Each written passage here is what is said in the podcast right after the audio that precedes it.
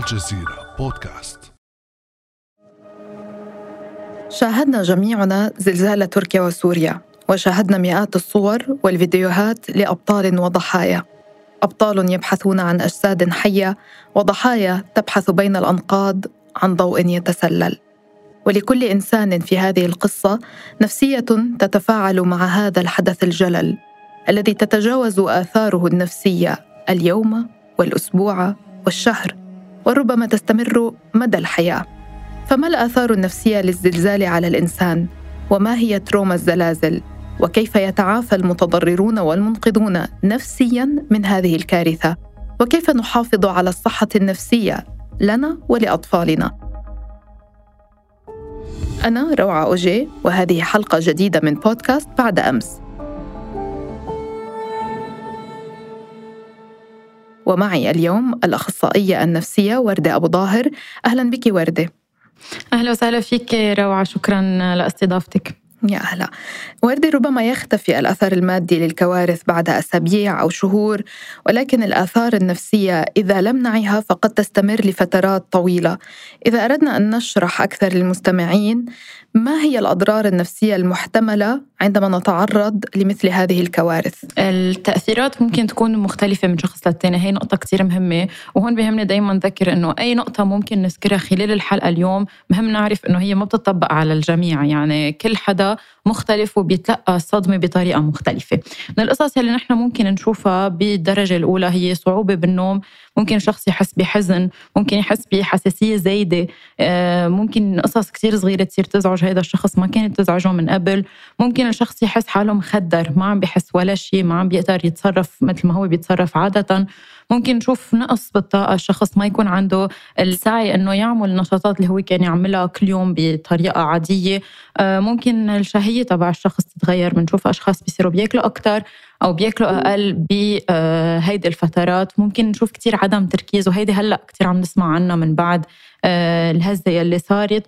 وحتى ممكن يكونوا الأعراض جسدية فممكن حدا يحس في وجع بالرأس آه، انكماش بالمعدة أو حتى وجع ركاب. هذا كله ممكن يكون تأثيرات آه، مباشرة للصدمة أول ما الشخص يكون عم يتعرض لهدول إذا بدنا نحكي بالفترة الأولى. طيب كيف نعرف أننا بحاجة لاستشارة أخصائيين أو أنها فترة وستمر؟ آه المهم نشوفه بهيدي الظروف هو آه حدة العوارض اللي عم نشوفها ومدة العوارض اللي نحن عم نشوفها. بالفترة الأولى إذا أنا عم بكون عندي شوية قلق إذا أنا بحس حالي ما عم بقدر نام منيح إذا حس إنه أكلي عم يتغير أو إنه أنا شوي مش مركز بالفترة الأولى يعني عم نقول أول أسبوع هيدا شيء طبيعي لأنه الصدمة مش سهلة. بس لما بحس إنه عم بيقطع وقت أكتر فهيدا شيء ممكن يكون آه بداعي إنه أنا أكون عم بلجأ لأخصائيين. نحن ما فينا نحكي عن اضطراب ما بعد الصدمة قبل شهر. يعني إذا ما ضلوا هول العوارض لشهر الشخص حاسس إنه عم بيكون عنده آه، إعادة للأفكار والذكريات اللي صارت أو عنده فرط باليقظة. يعني إذا حدا هز شيء من حده دغري بيفكر إنه في هزة من جديد عم بتصير. أو الانفعال اللي كتير زايد. يعني بيكون الشخص بيصير شغلة كتير صغيرة بيعمل ردة فعل كتير كبيرة آه، أو دايما حاسس إنه ما في أمان في شيء كتير خطر عم بيصير حده لفترة آه، طويلة يلي نحن عم نقول. أكثر من شهر هون أكيد في ضرورة يكون الشخص إذا مش أكثر من ضرورة حتى واجب الشخص يكون عم بيروح لعند الأخصائيين. جدير بالذكر والتنويه أن منظمة فرونتيرز آه، تقول أن 15% من ضحايا الكوارث يصابون باضطراب ما بعد الصدمة ولكن كما ذكرتي آه، ندرك أننا في آه، هذا أو نعاني من هذا الاضطراب عندما تستمر الحالة أو تتخطى أكثر من شهر. إذا أردنا أن نتحدث الآن عن شهود الكارثة وضحاياها من المتضررين خاصة مثلا كبار السن وسننتقل بعد قليل للحديث عن الأطفال أيضا. كيف يمكن أن يستوعب كبار السن ما الذي يحدث معهم نفسياً؟ آه، من الضروري دايما نرجع نقول إنه المشاعر وكيف نتعامل مع المشاعر يلي بنحسها بيلعب دور كتير كبير. ودور الأشخاص المحيطين آه، بالأفراد انه يفسروا إنه هاي المشاعر آه، طبيعية ومتوقعة إنه تصير. من أبرز الصعوبات إن كانت للمسنين أو أي أشخاص من أي عمر هي إنه يفكروا إنه اللي عم بيصير معهم هو شيء بس معهم عم بيصير. فأبرز نقطة وأهم نقطة دغري نفسر للأشخاص إنه يلي عم بيصير معك هو طبيعي إن كان شعور بالذنب إن كان إنه أنا حس حالي أوقات دايخ بس ما في شيء إنه أنا حس إنه لا في شيء عم بهز بس بالواقع هو ما في شيء عم بهز. كل هاي المشاعر من الخوف والحزن يلي ممكن يحسوا فيه هي مشاعر طبيعية إنه تصير ونخليهم يعبروا عن هيدي المشاعر. أمور تانية بنقدر نعملها هي الرعاية نقضي وقت أكثر مع هدول الأشخاص لأنه هن بحاجة ليحسوا بالأمان والشعور بالأمان. نحن أكثر شيء بنحسه لما بنكون محاطين بأشخاص نحن بنحبهم وعن جد بنرتاح إنه نحن نكون موجودين حولهم. فهدول أبرز النقاط يلي نحن فينا نقدمهم للأشخاص المسنين هو الشرح وإنه نكون دعم حدهم. طيب من أين ينبع الشعور بالذنب؟ سؤال حلو. الشعور بالذنب بيجي لأنه بكتير أوقات نحن بنفكر إنه كان فيني يكون أنا. بس ليش أنا أنجي وحدا غيري هو يصير معه هيك؟ وبنحس هيدا الشعور بكتير محلات كمان مش بس بالأزمات الكبيرة. يعني وقتها بيتوفى آه، شاب آه، صغير بحادث. بنحس كل الناس بيقولوا بس إنه في حدا أكبر منه ليه بعده عايش وهالولد بعده بأول حياته عم نخسر؟ من هيدا المبدأ ممكن شخص يحس بالذنب إنه شو الشيء اللي ميزني؟ ليش أنا بقيته هو فل؟ هيدا الشيء بيعزز آه، شعور الذنب بمحلات كتيرة. وبالإضافة لأنه شو دوري أنا شو بقدر أقدم؟ يعني بنعرف إنه خلال الأزمات كل حدا بيحاول يساعد قد ما فيه بس بضل حاسس حاله مقصر لأنه عن جد الأزمة كتير كبيرة ما في إنسان واحد يحملها. فهدول المسؤوليات اللي نحن بنحسها ممكن تخلينا نشعر بالذنب. طيب الآن هناك الكثير من المتطوعين الذين ذهبوا للمساعدة في عمليات الإنقاذ يعني فرق الاستجابة آه، الطارئة. هناك أساسا المنقذين والمسعفين آه، الموجودين في هذه المناطق قبل الزلزال. يتفاعلون جميعهم بشكل مباشر مع المتضررين. ما هي النصائح التي يمكن أن نقدمها لهم آه، للطريقة الأمثل للتعامل مع الضحايا عند الإنقاذ؟ أبرز نقطة وأهم نقطة هو أي شخص بيساهم أو بيسعى ليساعد دايما يتذكر إنه ما في غير العالم. يعني بيقدر آه، يساعد شخص أو اثنين وهيدا كتير آه، أكثر من ما متوقع منه. فيكون ممنون لهيدا الشيء. ما نكون حاملين تقل كل الأزمة على ظهرنا نحن أو على عاتقنا نحن لأنه هيدا الشيء كتير كتير كتير قاسي على الشخص اللي بيقدم خدمة. نقطة تانية هو آه، على قد ما عن جد آه، الوضع صعب وقاسي بس هن بحاجة لاستراحة كمان. ليقدروا يعطوا بدهم يكونوا هن منيح. فكتير مهم دايما يذكروا حالهم إنه من حقهم ياخذوا هيدي الاستراحة ومن حقهم يكونوا آه، عم بيهتموا بذاتهم. هذا الشيء ما بيكون أنانية بالعكس بيكون من باب الإنسانية ليقدروا يساعدوا أشخاص آخرين. نقطة ثالثة كثير أساسية وهيدي ما بترجع مسؤولية على الفرد فقط على المجموعة أكثر إنه عن جد يكون في دعم نفسي له له للأفراد ويمكن هلأ شوي تاخر بس يمكن تكون رسالة للصعوبات اللي ممكن نواجهها على أمل إنه ما يكون في شيء بعد هيدي الصعوبة اللي عم نقطع فيها إنه يكون في تدريبات على الإسعافات النفسية الأولية لأنه ما بينعطاها الأهمية مثل الإسعافات الأولية الجسدية. نقطة أخرى كمان مهمة للأشخاص يلي على الأرض هو إنه آه، ينتبهوا قد ما فيهم من إنه ما ياخذوا القصص يلي عم يسمعوها آه، على عاتقهم هن هن عم بيساهموا ويساعدوا قد ما فيهم. بس الانجرار بالقصص يلي حيسمعوها يلي هي عن جد بدها كتير تعاطف وبدها قلب كتير كبير للأشخاص يقدروا يعملوها ومجهود كبير. بس يجربوا قد ما فيهم يكونوا عم بيعطوا نفسهم هي المساحة خلال العمل على الأرض كمان. تحدثت عن الإسعافات الأولية النفسية. أعرف أنه لا يمكننا شرحها آه، كاملة ولكن بنقاط سريعة ربما أبرز النقاط التي يجب عليهم التركيز عليها من ناحية تقديم الإسعاف آه، النفسي الأولي؟